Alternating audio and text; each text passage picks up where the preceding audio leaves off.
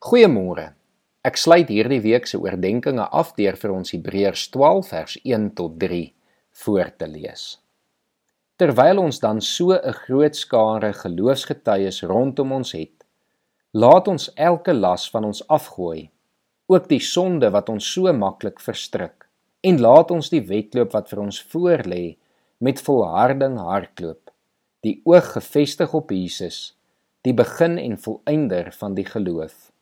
Ter wille van die vreugde wat vir hom in die vooruitsig was, het hy die kruis verduur sonder om vir die skande daarvan terug te deins. En hy sit nou aan die regterkant van die troon van God. Hou hom voor o wat so 'n vyandige optrede van die sondaars teen hom verdra het. Dan sal jy nie geestelik moeg word en uitsak nie.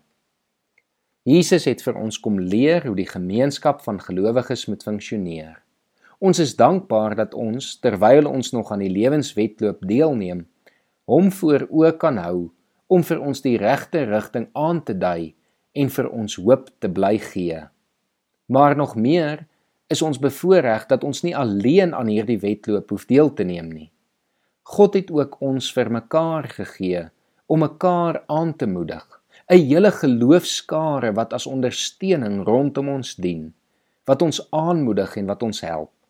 Daarom is dit en sal dit altyd noodsaaklik bly dat ons deel sal wees van die gemeenskap van gelowiges. Dat ons nie sal afdwaal of sal dink ons kan op ons eie reg kom nie. Ons het mekaar nodig. Soms gaan jy iemand nodig hê om jou te help deur moeilike tye, versoekings of worstelinge en in ander lewensfases gaan iemand jou weer nodig kry om hulle te help. En so maak dit nie saak waar jy nou is nie. As jy hulp nodig het, kom kry dit by die gemeenskap van gelowiges. En as jy nie nou hulp nodig het nie, kom en kom dien.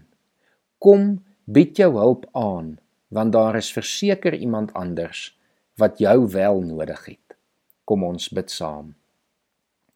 Here, dankie dat U ons vir mekaar gegee het om mekaar te help, mekaar aan te moedig, mekaar te ondersteun, by mekaar te leer Here ons dankie daarvoor en ons kom vra dat U ons sal help, sal ondersteun en mekaar sal help, mekaar sal vertrou. Here dankie dat ons dit van U kan kom vra. Ons bid dit in Jesus se naam. Amen.